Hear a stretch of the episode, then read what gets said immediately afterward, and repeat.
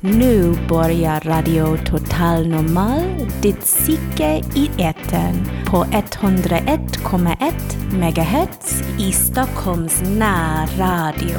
Idag presenterar vi en specialsändning.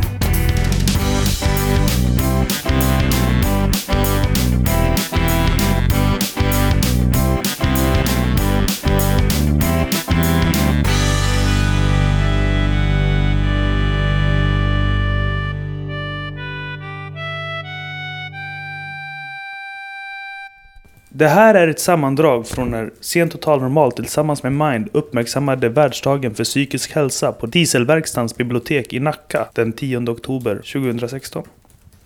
Vi ska få höra hur två volontärers arbetspass ser ut när de svarar i telefon eller chattar på Minds självmordslinje 90101. Det blir också en försmak på Sen Total Normals pågående teaterprojekt 52 Hertz som går att se den 28 oktober 18.00 på Unga Klara i Stockholm. Läs mer om det på sentotalnormal.se. Hej! Jag vill hälsa er varmt välkomna till Dieselverkstans bibliotek. Jag är väldigt glad att välkomna Mind och Sen Totalnormal hit ikväll. Hej, Camilla heter jag eh, och jag vill också säga varmt, varmt välkomna. Det är faktiskt fler än vad jag trodde som skulle våga komma hit. På Facebook, bara på den sidan, så var 178 personer intresserade av att komma och det visste vi att så många skulle det inte bli. Vi firar världsdagen för psykisk hälsa idag, så vi har en dag per år där vi firar den psykiska hälsan. Och för mig låter det lite tragiskt. Låter det som vi firar de andra 364 dagarna med ohälsa. Och jag tror att det är så många känner. Jag är här som en av representanterna för Mind, som är en självmordslinje som är öppen dygnet runt, där man kan ringa eller chatta in och där det alltid finns personal dygnet runt. Eller eh, oftast så finns det personal dygnet runt. Sen kommer Per berätta lite mer, lite mer fakta om Mind, men jag tror att det är viktigt att vi tar upp de mjuka delarna av det också. När jag ser er sitta här så tänker jag att var och en av er har nog en egen historia varför ni just är här idag. Kanske är någon enstaka som är här för att de känner någon, men jag tycker och vill verkligen säga det, hur himla glad jag är att ni vågade er hit. För det är absolut ingenting att skämmas för.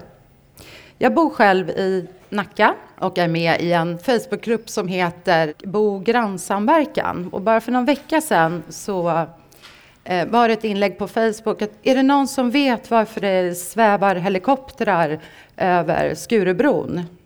Och så börjar alla då med sina teorier. Och så helt plötsligt så kom, det, kom det någon person som skrev Jag tycker genast vi ska sluta prata om det här med tanke på vad som har hänt.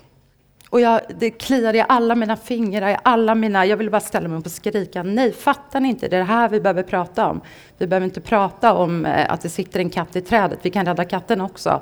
Men vi kan inte prata om att någon har hoppat från Skurubron. Då ska vi ta bort hela tråden. Vet ni hur många människor som tar livet av sig per dag? Fyra stycken per dag. Vet ni då att det är tio gånger fler som försöker varje dag? Alltså tio gånger fler som försöker varje dag. Vet ni vad det är för månad nu? Någon som vet vad det är för månad? Oktober. Vi har en hel månad när vi pratar om cancer och cancer är jätteviktigt. Men det är inte ens hälften så många som dör i cancer varje år. Inte att förringa dem och det är många också som är självmordsbenägna såklart som har fått en cancerdiagnos. Ändå så pratar vi inte om det på samma sätt. Vi måste våga prata om det. Det kommer att drabba oss alla och det är inget att skämmas för. Jag tänkte att jag skulle också presentera er som är med oss här. För det här är ju faktiskt eh, eh både Dieselverkstan, det är Scen Total Normal, Radio Total Normal, det är Emma, det är Aurelia. Och ni ska visa oss, vi har inte sett det heller, vi har hört lite grann om det, men ni ska visa oss något jätteviktigt idag. Är det någon av er som vill berätta? Vill du börja Aurelia? Ja, eh, vi, ska visa, vi ska visa två scener ur en föreställning som vi jobbar med just nu, som heter 52 Hertz, som vi kommer redovisa i sin helhet på Unga Klara den 28 oktober. Så det här är första gången som vi möter en publik idag. Det ska bli jättekul att se. hur det går. Jag vet inte om jag ska berätta något om arbetet nu eller, liksom, eller sen. Gör vad du vill. Ja. Kör Okej, det som okej. känns naturligt. Ja, men projektet är initierat av Scen Total Normal då. Vi har samlat, vi har kombinerat professionella skådespelare med deltagare, som vi kallar dem, som är knutna till Radio Total Normal förut och som har varit med i Scen Total Normal förut. Och vi har jobbat, eh, vi jobbar med en kollektiv process som går ut på att jag ger ensemblen olika uppgifter. Vi har liksom börjat med brainstorma, ja, kartat ut olika teman och sådär, sen så ger de uppgifter.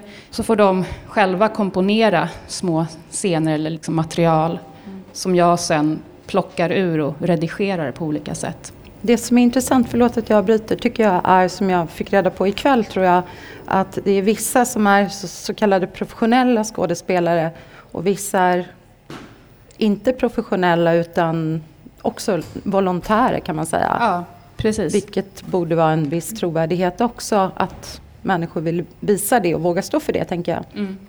Ja, och det är ett medvetet val för att eh, ja, men för att skapa en stabilitet i gruppen och ha med två personer som har stor erfarenhet av hur det är att jobba med, med scenkonst som liksom kan vara med och stötta upp processen för de som inte är lika vana.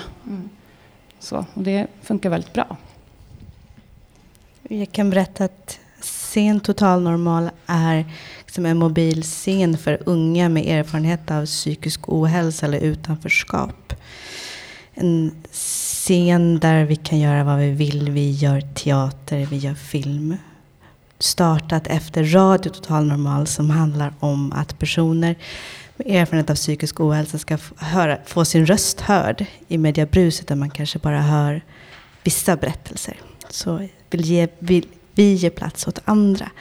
Att vi har mikrofoner är inte bara för att vi vill prata tyst utan för att vi spelar in det här för att kunna lägga ut det på Radio Total Normal. Eh, vi vill jättegärna berätta lite mer om Mind också, lite mer fakta. Per? Eh, ja, eh, mitt namn är Per, eller eh, Pelle, och eh, jag är ställer mig lite lä- längre bort ifrån eh, högtalaren. Och eh, jag är precis som Camilla då, volontär inom Mind. Mind är en, en organisation som jobbar för psykisk hälsa. En utav, en utav kanalerna som eh, Mind jobbar med det är den här självmordslinjen som, som vi bemannar då 24 timmar om dygnet. Inte riktigt 24 timmar om dygnet visar det sig för att vi har inte volontärer tillräckligt. Men vi har den öppen 24 timmar om dygnet och så försöker vi bemanna så mycket, så mycket, så mycket det går med de volontärer vi har och så försöker vi utbilda nya volontärer hela tiden.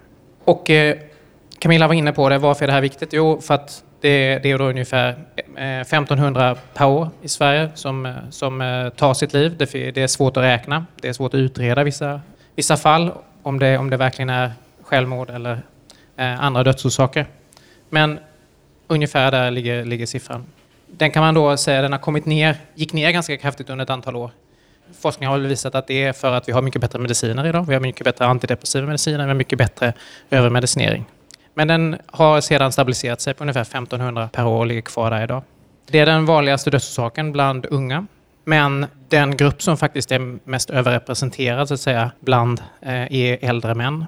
Kanske också den grupp där det är mest så att säga, stigmatiserat, mest eh, större problem att prata om det hela. Det, det, det finns då ändå liksom ett, ett stort hopp och det är det som vi vill visa här idag också. För att var och en kan hjälpa. Vi vet, forskningen visar på att bara att prata med någon som, som mår dåligt, att sträcka ut en hand, om det är en för en själv okänd person, om det är en känd person, det hjälper. Det finns inget, finns inget som helst belägg på att man genom med ett medmänskligt öppenhjärtligt samtal kan trigga någon att ta sitt eget liv. Utan man hjälper när man pratar om det. Och som vi pratade om tidigare, det, det finns det är liksom ett stort steg mellan, i och med att jag talar av egen erfarenhet, så vet jag att man, det finns något, det som man kallar för självmordstankar, alltså när man, när man får en tanke. Eh, det finns det som man kallar för, för planer, när man börjar lägga upp planer. Det finns försök och det finns då så att säga att man fullbordar försök, om man säger så. Det är väldigt stort spann däremellan. Det vill säga, längs hela den här sträckan ifrån att man får en tanke så finns det väldigt många ställen där man kan hjälpa en sån här person. Och eh, det är därför i varje länk där så kan man hjälpa. Det är det som vi försöker göra. Och eh, man kan väl säga då att den viktigaste hjälpen, den professionella hjälpen, den finns ju inom vården, det är inom psykiatrin och så vidare. Det är polisen som gör de rent akuta utryckningarna ibland, då när vi pratar om Skurubron eller andra ställen. Men vi försöker då fylla ett tomrum kan man säga som finns utöver de här professionella kanalerna. Och tanken är då att de som kontaktar oss är anonyma, vi är anonyma. Vi säger aldrig våra namn, de behöver inte säga sitt namn, det är helt fritt. Och vi har ingen anmälningsplikt. Vi alltså, har alltså ingen anmälningsplikt mot polis, åklagare, psykiatri, inget sånt. Som däremot till exempel en, en psykolog eller en, en polis har. Och eh, på, man kan säga att för eh, ganska exakt ett år sedan så var det som man, sa, vi drog igång den här att vi har det öppet dygnet runt och att vi eh, bytte namn på det hela då till Självmordslinjen. Det har gått under lite andra namn tidigare och inte haft samma magnitud. Det har inte varit öppet dygnet runt. Sen vi öppnade upp det då dygnet runt för ett år sedan och det är då som det heter Självmordslinjen så har vi tagit emot ungefär 22 000 kontakter via telefon, chatt och e-mail. Då så vet vi att det är ungefär tio gånger fler som har försökt nå oss eller inte, jag ska inte säga tio gånger fler som fler personer, men det är tio gånger fler kontakter som har sökts och som vi inte har kunnat ta emot. Så därför så, det, det är ju såklart det är många då som söker igen och igen, så det är inte så många personer. Det är därför som vi vet att trycket är så oerhört stort. Och eh, det är därför som vi vill bli fler, och det är därför som vi utbildar fler hela tiden, och det är därför som vi söker fler volontärer. Och varje månad nu under hösten så har vi utbildningsträffar. Så att det, via vår hemsida så kan man anmäla sitt intresse. Och eh, eh numera så samlar vi upp det också via så att säga, informationsmöten innan man kommer på de här utbildningarna. Allting kanaliseras egentligen så kan man säga, via vår hemsida. Det är både där som man, om man vill ge ett bidrag och så vidare, och där som man eh, söker sig för att, om man vill hjälpa till på olika sätt. Tack så mycket. Jag tror dessutom att, var det inte beräknat att vi skulle svara på 60 000 samtal i år? Jag tror att det var så. Helt otroligt många. Nu, nu kan du fler siffror än vad jag kan. jag bara tänkte på det att det var så himla många fler än första året då. då. Nu tänkte vi att, ja. Det är lite olika med 250 det, ungefär. Mellan 200 och 300. Mm. Ja, just nu så finns vi i Stockholm bara. Mm. Vi håller på att öppna upp i Göteborg, men det är, det, det är mellan 200 och 300. Men vi behöver bli många fler.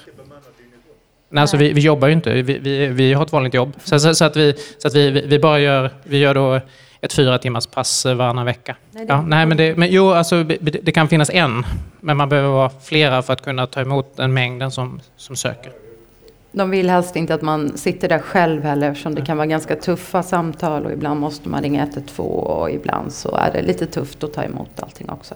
Jag, jag måste bara be er nu innan pjäsen eh, får jag säga pjäsen eller framträdandet, så måste ni förklara namnet på den. Kan ni inte göra det? Jag hörde det en gång av Emma och det var så fint och så sa hon till mig, kan inte du berätta det här?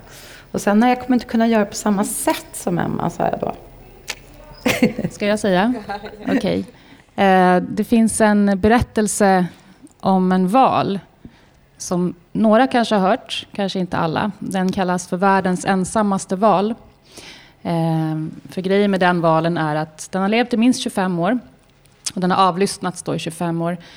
Ehm, den sjunger på en annan ljudfrekvens än alla andra valar. Vanliga valar, nu ska vi se, 12 till 12 till 25, precis. Och den här eh, eh sjunger på 12 till 25 hertz och den här sjunger då på 52 hertz. Vilket gör att andra valar knappt kan höra den.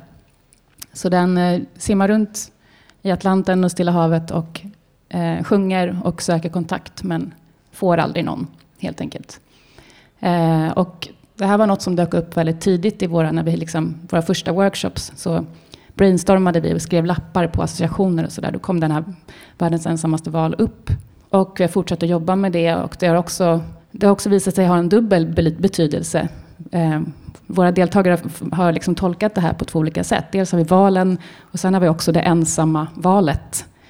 Eh, så, så att vi har båda de perspektiven på, på det här.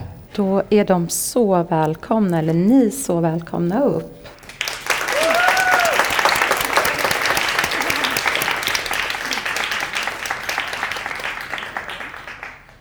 Det är intensiv åskaktivitet ikväll över den malaysiska kusten i sydväst och det är underbart att åter få se Venus stiga fram mellan stackmolnen ovanför den eldröda solnedgången och nu även hela den gnistrande stjärnhimlen med dess mjölkvita vintergata hur tydlig som helst. Inga stjärnbilder jag känner igen, men vackert är det. Ingen måne, endast myriaders myriader av brinnande stjärnor i utspända diadem av diamanter och ädelsten eller kanske mer som rymdens eget strössel över denna ljuvliga blåvita planet. Allt medan snabbt skrinnande stjärnfall duggar tätt över ekvatorn. Och när det är som allra vackrast önskar jag inom mig att Niklas hade fått chansen att se allt sammans, även han. Dels för att få njuta, men också för att senare kunna avbilda ljusskådespelaren i sina målningar. Men eh, Niklas kanske vandrar just nu på Vintergatan eller samlar galaxer som snäckskal längs en kosmisk strand. Eller så sitter han mitt i nirvana och målar av hela härligheten med glittrande stjärnstoft medan han laverar med universums skuggor och gör akvareller av nebulosor i regnbågens alla färger. För min bror kunde behärska ljusets hela spektra, från Plejadernas silver till Orionnebulosans pärlemorslöjor och inte minst solnedgångar i alla dess varianter.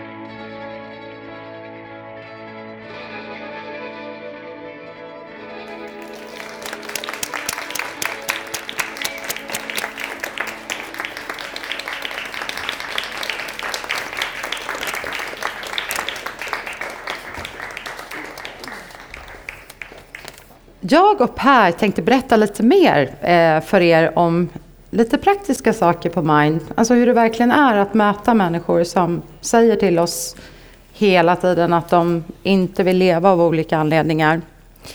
Eh, och så tänkte vi faktiskt berätta också varför vi, varför vi gör det. Vi gör det volontärt. Vi sitter där de timmarna. Vi är här volontärt för att vi gärna vill sprida det här. Eh, och jag tror att alla vi människor har en anledning till varför vi gör saker och ting. Det var Freud som sa tror jag. Jag tror att det är viktigt att dela med sig av den historien också. För jag tror inte man gör saker av en slump. Utan jag tror att man, man har en tanke bakom. Eller man har någonting som man vill säga med det också. Eller tror att man kan ge något. Tror du det? Absolut. Eh, och så säger de alltid till oss som volontärer. Ni får vara hur privata ni vill. Eller uh, icke-privata. Nej, det finns, eh, det, det, finns säkert lika många anledningar till varför man väljer att bli volontär eh, som, vi, som vi har volontärer. Vi har då idag ungefär 200-300 som jobbar aktivt. Jag kan väl bara, bara kort nämna en av mina anledningar. Det är för att jag själv har varit på andra sidan. Så att jag, då visste jag dock inte att, att, att Mind fanns. Jag, jag sökte aldrig kontakt med, med, med den här organisationen, med den här hjälplinjen. Men, eh, men jag har varit där eh, och eh, gått i den här tomheten, i den här liksom hopplösheten där, där man tror att det finns ingen hjälp att få fast den finns. Fast man, man, man, kan, man, man vet ju inte det för att man helt enkelt inte kan förstå det. Man är inte där i det, man är inte i det stadiet så att man kan förstå det där och då. Men det är då som det är viktigt att man får, att man får det ändå upprepat för sig. Att det finns och att man hela tiden, att det bara finns en hand utsträckt hela tiden. Och eh, i, i mitt fall så var de händerna nära och kära och mina bästa vänner. Vi försöker vara den, den handen, den utsträckta handen till andra människor helt enkelt. Det är en av alla anledningarna kan man väl säga till att jag, till att jag gör detta. Och det är faktiskt samma här. För ungefär 15 år sedan så var jag helt säker på att jag inte ville leva.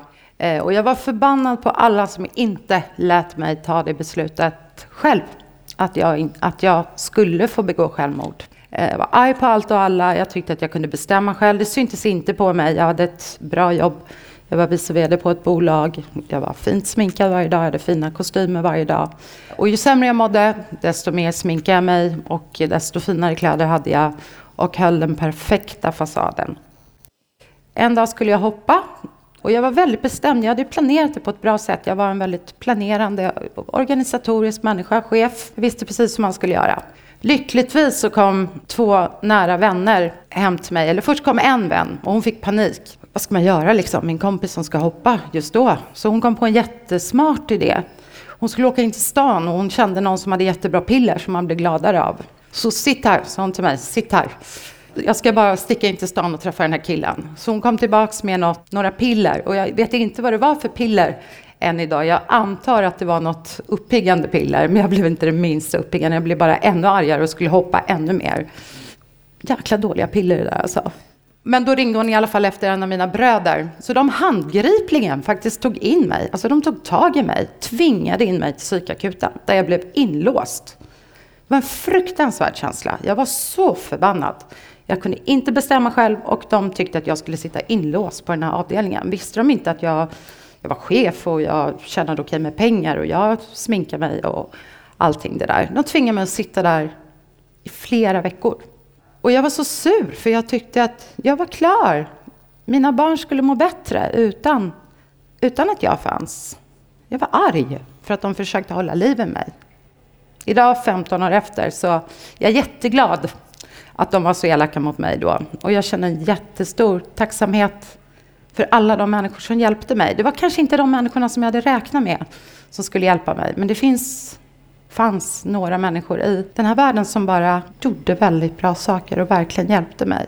Och ibland när jag sitter i de här samtalen med, vad kallar de, de som ringer in och chattar. Jag hade någon tjej häromdagen som sa, jobbig du är så här, vad fan bryr du dig om mig för?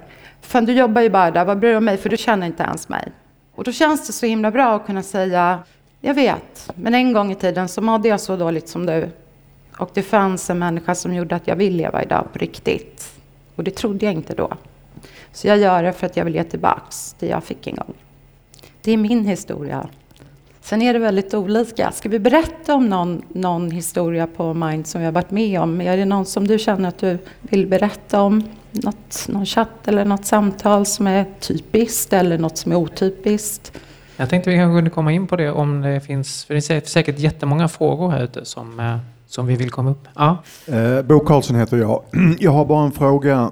Eh, inom psykiatrin känner man till, det finns ju olika sätt att vilja avsluta sitt liv. Och eh, det som fascinerar mig det är människor som bara gör det. Man har inte märkt någonting någonstans. Det finns inga signaler. Känner man till någonting om detta på något sätt? Eh, rent medicinskt eller psykiatriskt? Hur det kommer sig? För det är ju ganska läskigt. Man kan säga så här. Camilla är fastighetsmäklare. Och jag är konsult inom finansbranschen. så att vi, vi, vi, vi, är inte, liksom, liksom inte, vi är inte professorer i varken medicin eller något. Det är förmodligen inte så att det bara händer. Eller vi, det vet man egentligen, att det, det, det händer inte bara hux flux. Utan det är förmodligen då att det, det, det, som, det som kommer från en, som en blixt från klar himmel är förmodligen att, att om man, de här signalerna, så att säga, då, att de här ropen på hjälp, det har inte funnits något sätt att få ut dem. Ja, det, det, har, det har liksom inte kanaliserats och där försöker vi vara en kanal som inte är en myndighet, som inte är en myndighetsperson. Vi fyller liksom ett, ett, ett annat slags tomrum där, men vi hänvisar ofta till så att säga, de officiella kanalerna om man säger så. Då. Det är ingenting som bara slår ner eh, som en blixt från klar himmel, utan det finns flera stadier. Men jag skulle, får, får jag säga någonting? Jag, jag är ofta förvånad när jag sitter i chatten eller telefonen över att jag ofta är den första människan som någon pratar med. Jag hade faktiskt två sådana igår. Jag kan dra dem bara jättesnabbt för det var två helt olika problematik. Eller egentligen var det tre. Det var ganska obehagliga saker igår. Eh, den första var en, en tjej som hade blivit våldtagen eh, och skulle ta livet av sig. Och eh, det vet ju alla, liksom vi människor, att det är ju inte hennes fel att hon har blivit våldtagen. Men hon kom från en problematik där det inte var okej att ha sex med främmande människor.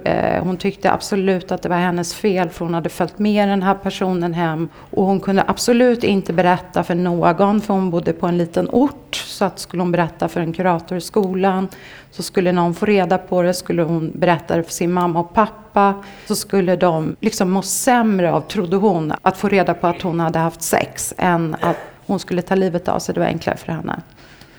Den andra var en kille som jag var helt chockad över. Han, var, han eh, sa att han var född i en kvinnokropp, men att han fantiserade om kvinnor.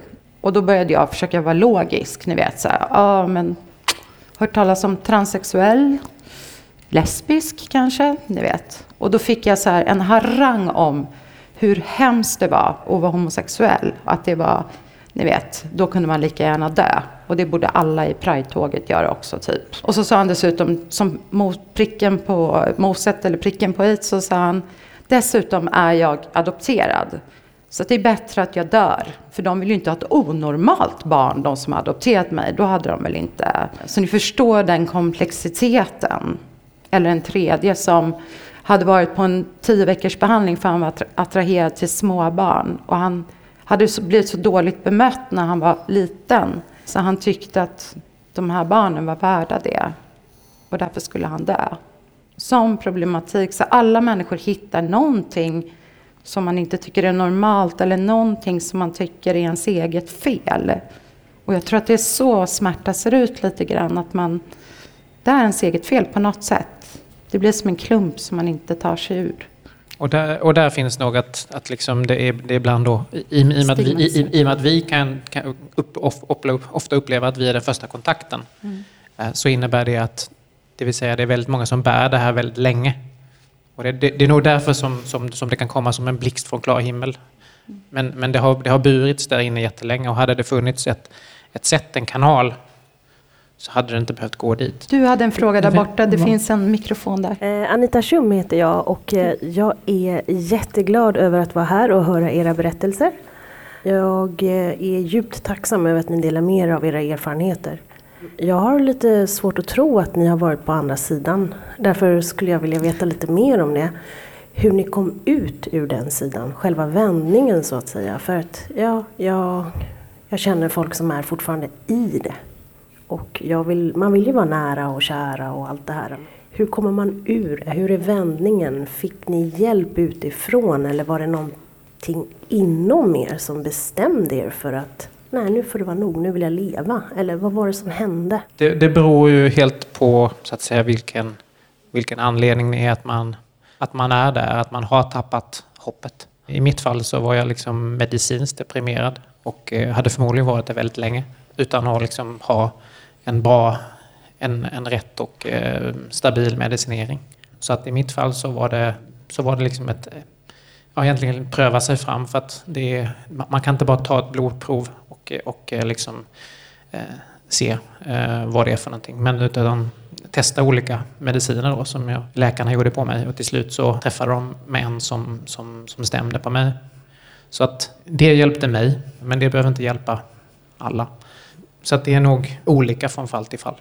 I mitt fall så var det så himla tydligt. För att det var två månader exakt, mer eller mindre efter. Och man brukar prata om att det är två till tre månaders tid för den här typen av mediciner innan de sätter in. Och det var i princip två månader efter att jag hade bytt till den medicinen som jag fortfarande står på idag, som, som det vände. Och det var från, som från dag till natt. Eller från natt till dag. Jag tycker det är jättesvårt att säga, för jag tror någonstans... Jag hade en fantastisk... Jag låg faktiskt inne på Nacka psyk. Eh, och jag hade en fantastisk eh, psykiater. Eh, och hon var... Jag hatade henne, men jag älskade henne på något sätt också. Hon, hon plågade mig, hon var jäkligt rätt fram. Och jag litade väldigt mycket på henne. Hon kunde till och med, jag, blev, jag skulle få så här permissionen då. Jag var så här, ja nu kan jag ta livet av mig liksom. Yes, sju timmar på mig liksom. Tog en halvtimme, jag hade typ hunnit till Nacka Forum och skulle köpa en ny tröja eller någonting. Så bara, du kommer in genast. För det är en sån här klassisk sak att när man mår riktigt dåligt så blir man lite gladare när man väl har bestämt sig för att ta livet av sig. Det, det är sådär så att det finns verkligen en sån koppling, att man kan se, det kan ni tänka på också om ni har någon i närhet som, som mår dåligt, att har man mått dåligt en, en lång tid och så helt plötsligt så nästan man lever upp så här, sista dödsrycket eller vad vi ska kalla det, om vi nu ska prata rejält, eh, så kan det vara ett tecken på att man verkligen har bestämt sig. Men i mitt fall tror jag det var, och som jag tror att det är i många fall, eh, efter den här så har jag blivit mer öppen ner och pratat mer med andra människor och försökt våga prata om det. För jag vet att i mitt fall så var det verkligen så här att alla bara blev helt livrädda. Men om du, om du kan må så här dåligt, om du sitter inlåst, då kan det ju hända mig också. Då kan det hända vem som helst. Det är liksom inte... Så jag tror det är jättevanligt att vi alla vågar prata om det, att det syns inte. Vi, vi, man nästan kan känna det på människor ibland när man träffar människor i olika sammanhang. Men jag tycker det har hjälpt mig. Och det är också sådär, man kan... Alla blir ju deprimerade ibland och är låga och allting. Men det är en himla skillnad alla som har varit där vet att det är en himla skillnad att vara deprimerad och låg. Och, nej, men riktigt deprimerad kan man ju också vara. Men det är ett otroligt stort steg till att verkligen vilja dö på riktigt. Då, då är det ett mörkt hål som man inte kom, kan komma ur. Och som du säger, vi är ju inte några proffs, men min erfarenhet är att man måste ta en sak i taget. För när man mår sådär dåligt då vill man inte träffa någon, man vill inte göra någonting. Man vill inte sova, man vill inte äta eller man vill överäta. Man vill inte synas, man vill gömma sig. Så man måste ta och ta tag i någonting där som man kan börja med. Ett pyttelitet steg. Man kan inte göra allt på en gång. Så är det ett jobb. Fast också så brukar jag vara positiv och säga så här, har man inte mått riktigt, riktigt jäkla dåligt så kan man heller inte må riktigt, riktigt jäkla bra. Nej men lite grann så är det. Man måste liksom våga ner där ibland för att inte bara vara en sån här människa. Även om det inte är kul att vara så här så, nej men på riktigt så känns det schysst att ha varit där någon gång. Det var någon som var först. Var det Bodil? Jag tänker bara, finns det något, jag vet att det här är jättesvårt och jätteindividuellt, men finns det något tips som man kan, om man nu känner så här, jag skulle vilja fråga den här personen eller jag skulle vilja prata med den här personen, ni som gör det här ändå ofta, finns det något tips till oss som undrar? Om någon mår dåligt Ja, precis. Du? Hur kan man säga? Hur kan man inleda? Vad kan man... Jag gör så ibland. Hur, tänk, hur gör ni? Jag, jag gör exempel? faktiskt så ibland om jag ser någon, det har jag säkert ni också på typ Facebook eller Instagram, om någon skriver en väldigt deprimerande status. Så så brukar jag faktiskt ibland skicka ett privat meddelande och säga jag blir orolig för dig när du skriver ut så här. Eh, funderar du på att begå självmord? Vi måste ju våga säga det ordet. Och en del säger, gud vad gullig du är som frågar, för alla bara skicka pepphjärtan. Eh, nej men så här, nej men det är ju så. Eh, och Ofta så har man ju märkt att det är ju så det är. Alltså att folk lägger gärna Bilder ut på på, katter sociala... skickar de också. Va? Bilder på katter skickar de. Eh, Medan vissa är så här, nej gud, nej, nej, nej, nej, inte jag. Så här, nej, nej, nej, det var lite överdrivet den där statusen. Så här, jag mår bättre imorgon. Men jag tänker att det är bättre att fråga en gång för mycket än en gång för lite. Så våga fråga. Och våga säga det ordet. Förut så var det ju så här att vi fick inte säga det ordet. Man trodde liksom att det triggade. Om jag frågade dig så här, "Beg- funderar du på att begå självmord nu Per? Så, så skulle han hoppas snarare om jag tog upp det. Då är det bättre att säga, du mår väl inte dåligt va? Nej, bra, bra. Toppen, tar vi en fika sen. Var det du som hade en fråga sen? Ja, hej, jag heter Ann. Hej. Eh, Jag undrar bara vad ni säger när folk ringer till er på själva telefonen. Ungefär liksom. Hej och välkommen till mig. Nej, men jag menar mera de som du till exempel pratade om. Vi, alltså vi, vi, vi, säger alltid liksom att eh, man kan ju ha ringt fel. Så därför säger vi alltid eh, hej välkommen till Mind. Och, och man säger alltid att det här är välkommen till Minds självmordslinje brukar jag säga. Så att, så att det är liksom ett, är, är tydligt. Men vi vet ju folk vad de har, har ringt in till. Sedan är det egentligen att lämna upp det, lämna det öppet för den personen. För det, det viktiga är att, att den personen får, får prata. Men jag bara tänker om det blir som en argumentation ibland. Att liksom, nej, det var inte ditt fel och nej, det var han som våldtog dig. Om det blir liksom en... Eller om det blir så här, hur känns det? Hur känner du? Alltså om ni har någon sorts... När ni utbildar folk, hur, hur säger ni då att man ska tänka? Eh, ja, det, det, det som vi, den, eh, vi, vi, vi utgår då efter en, eller vi jobbar en, en, med en metodik som kallas för MI. Så är motiverande samtal brukar man kalla det på svenska, eller motivational interviewing är den engelska, det är därför som det kallas för MI. Och den utbildas man i, i som volontär. Och det är liksom det här, kan man säga, den största delen av utbildningen som man går igenom. Och det är en beprövad metod, den är, har liksom bas i, vad ska man säga, forskning. Vi utbildas av en av de, de bästa på det här, i, kanske den bästa i Sverige. Och eh, hela den, den metodiken bygger egentligen på att man, att, man, att man bekräftar personen, att man bekräftar det lidandet som de har, att man bekräftar men också att man, liksom, att den, man tror på att den personen har den här inre, liksom, har egen kraft och egen styrka och egna, egen motivation att hitta den här motivationen. Så att vi, vi faciliterar ju mer. Vi kan liksom inte säga att någon vad, vad de ska göra utan det gäller att hitta det här, vad, vad, vad, vad, är den här, vad, vad kan bli gnistan i det här samtalet? Och det gör vi med hjälp av den metoden kan man säga. Och eh, i den så, så är, handlar det väldigt mycket om att ställa det, det som vi kallar för öppna frågor. Det vill säga, det vill säga inte, inte de som kan svaras med ja eller nej utan, utan öppna frågor. Hur känns det? Och hur tänker du kring? Och så vidare. Så att det, det kan man väl säga är den mer metoden. Men där får man liksom lära sig i utbildningen och då eh, jobbar vi också liksom med att vi spelar mot varandra och sånt där. Man, man spelar sådana här samtal och sådär. där. Eh, jag tänkte bara, det som du berättade, att det kändes bra att kunna berätta för den som ringer till exempel att man, när man, att man har varit där själv. Men om man själv inte känner att man kan eh, connecta med den personen på det sättet, räcker det med de här öppna frågorna eller ska man dela ni, alltså är det bra att dela med sig av sig själv eller ska man mer bara vara frågande och lyssnande? Man, man kan ju säga så här att jag, det är nästan roligt ibland när man tänker att vi har blivit utbildade då i det här. Först och främst så är det så att jag behöver aldrig säga, nu har jag berättat min historia för er. Hade jag känt en annan dag att jag inte vill göra det så hade jag inte gjort det. Och jag är ju människa också så jag kan känna olika för olika människor beroende på deras situation. Så jag tror inte man behöver ha haft den Eh, den bakgrunden. Men ibland det är klart att det känns ändå bra för man vet mörkret. Eh, så man kan känna igen den här hopplösheten men man kan också bli frustrerad av det för man vet att så kände jag också. Eh, det är ingen som förstår mig, det är ingen som förstår hur dåligt jag mår, det syns på mig. Så att jag tror att det finns någon form av bra sak i det. Jag kan bara berätta en snabb sak. Jag satt själv på mig på midsommarafton, på tal om utbildning i samtal. Jag satt där själv eh, några timmar innan jag skulle fira min vanliga midsommarafton på mitt vanliga idylliska ställe. Och så chattade in en, en liten eh, tjej på 11 år som jag satt med i typ två, tre timmar. Eh, och så otroligt tragisk historia. Hon skulle ta livet av sig den dagen. Och eh, jag frågade naturligtvis vad som hade hänt. Eh, och hon sa nej men det är samma sak hela tiden när det är stora högtider. Mamma och pappa blir fulla och sen så gör pappa dumma saker mot mig. Ja, vad då för dumma saker? Och då var det ju naturligtvis att pappan tvingade sig på henne. Och jag frågade naturligtvis vad mamma sa, om det var andra människor som visste om det. Det var ingen annan än mamma och mamma tyckte så mycket om pappa. Men nu var hon mest nu skulle hon ta livet av sig, för hon var trött på det här. Hon ville inte vara med om en högtid till hon var klar. Eh, och de brydde sig inte om henne, de hade bara köpt sprit. Och jag frågade, man måste greppa tag i någon. Ja, vad ska du äta då? Det var midsommar och allting. Nej, men jag kollade just, det fanns faktiskt ingenting att äta.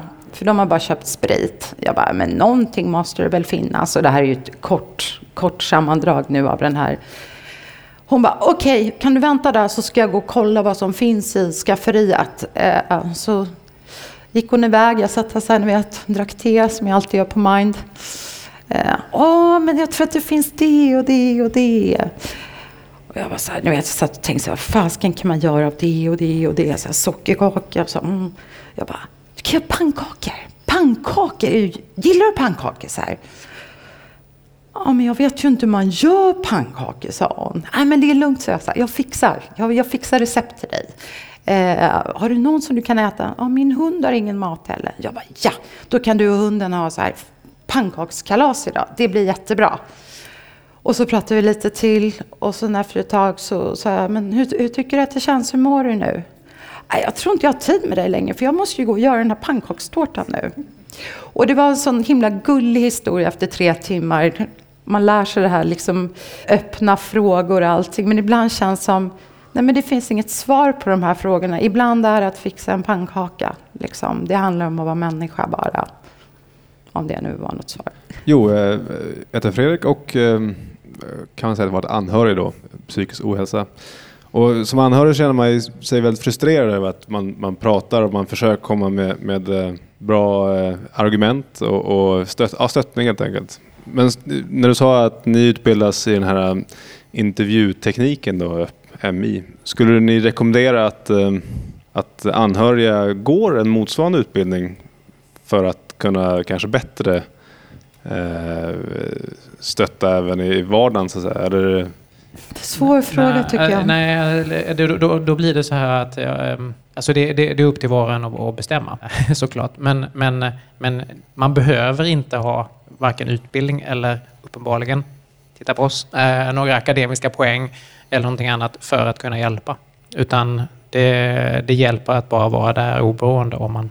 Så att det, det Mind använder sig utav den, utav den eh, metodiken just för den här, så att säga, för volontärerna i, på eh, självmordslinjen.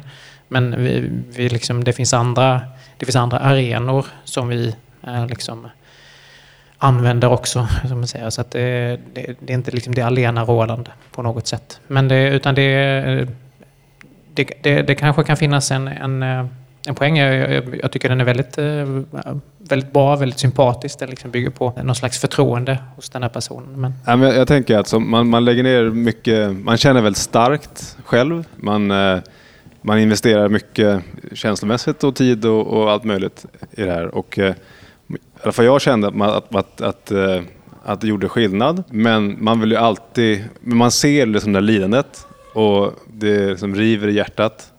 Så man vill ju på något sätt ge mer eller vara bättre på något sätt. Liksom. Frågade du din anhöriga om de planerade att begå självmord? Det, vi pratade om det i alla fall. Jag vet inte om det var på mitt initiativ eller om det var på... Mm. Hur mår ni idag? Bra. Härligt. Jag tror att man måste, det är ju ett av verktygen, att man måste våga fråga. Alltså, vi tycker själva att det är jobbigt att lägga det på någon annan människa. Jag tycker att det är jobbigt att lägga det på dig och säga att jag vill dö. För då får du ett ansvar på något sätt för mig. Så vi måste våga. Om du säger det till mig så måste jag våga. Vill du prata om det? Så kan vi göra någonting? Kan jag göra någonting? Inte att man ska skämmas över att man inte vill leva längre. Så man måste våga ta den frågan och det behöver man inte vara professionell för tänker jag. De flesta är ju rädda för att fråga det. För de vet inte vad de ska göra med det svaret. Det man, var, man, man, man kan väl säga att alla, alla, alla hjälper. Nära och kära hjälper. Vi försöker, vi försöker eh, hjälpa. Hos oss då så har vi en viss liksom, metodik. Men det är ju för att vi gör det här på liksom en, en stor skala. Vi, vi, vi, vi är anonyma och så vidare. Vi har ju inte, vi har inte de här banden Nej. som man har som nära och kär och det är därför som vi har, behöver ha den här liksom, metodiken. Nu äntligen var det din tur. Hallå? Ja, hallå. Jo, det var det som var min fråga. Om, du känner, om ni känner till många som har hamnat på andra sidan utan medicinering helt. Jag, jag har ju gjort det då, uppenbarligen. Nu är det ju ganska länge sedan som jag hade just försökt ta livet av mig. Men eh, jag tycker nog inte riktigt att det var min grej med mediciner. Men sen beror det nog på varför man hamnade i det hålet också. Men jag mår bättre utan mediciner. Och vissa mår bättre med. Vissa mår bättre med. Det, man, man, kan väl säga att det finns, alltså de, de, de, om man då, de som jag känner till är liksom de, de antidepressiva. Ja, det finns en mängd olika. Och de hjälper ju mot en medicinsk depression. Det som, är, det som man pratar om idag till exempel i arbetsliv och sånt, det är ju det man kallar för utmattningssyndrom eller utmattningsdepression. Men det är egentligen ingen depression, det är egentligen liksom ett, ett felaktigt namn på det där. Så att, så att eh, där hjälper då inte uppenbarligen en antidepressiv medicin när det inte är en medicinsk depression. Det enkla svaret är väl att det, det, nej, det är olika. Ja, jag kommer också från Mind. Två saker som jag kan komplettera med. Det ena är att jag har ingen egen erfarenhet. Och man kan jobba som volontär på Mind ändå, utan den erfarenheten. Det handlar om engagemang och vad man vill och hur man vill hjälpa, vad man väljer att göra helt enkelt. Och eh, sen en viktig sak som jag tror också, när vi jobbar på Mind, vi är volontärer, vi svarar under, en, under de här fyra timmarna. Vi, vad vår uppgift är att försöka få den människan vi pratar med eller eh, per telefon eller chattar med, det är att de ska överleva ytterligare en dag. Vi kan inte göra mer. Och det är skillnaden om man är anhörig. Så har man ju en kontakt som är väldigt viktig och värdefull och som gör att man naturligtvis har en börda men en, en viktig uppgift. Vi har viktiga uppgifter men vi kan ju inte, vi är ju anonyma, vi har inte den kontakten med en person medan, mer än under det samtal vi för. Men det viktiga är att försöka hjälpa den personen som till exempel att komma på idén att göra pannkaka så man vill leva en dag till. Det är jätteviktigt. Det kan låta bagatellartat men det är faktiskt väldigt viktigt.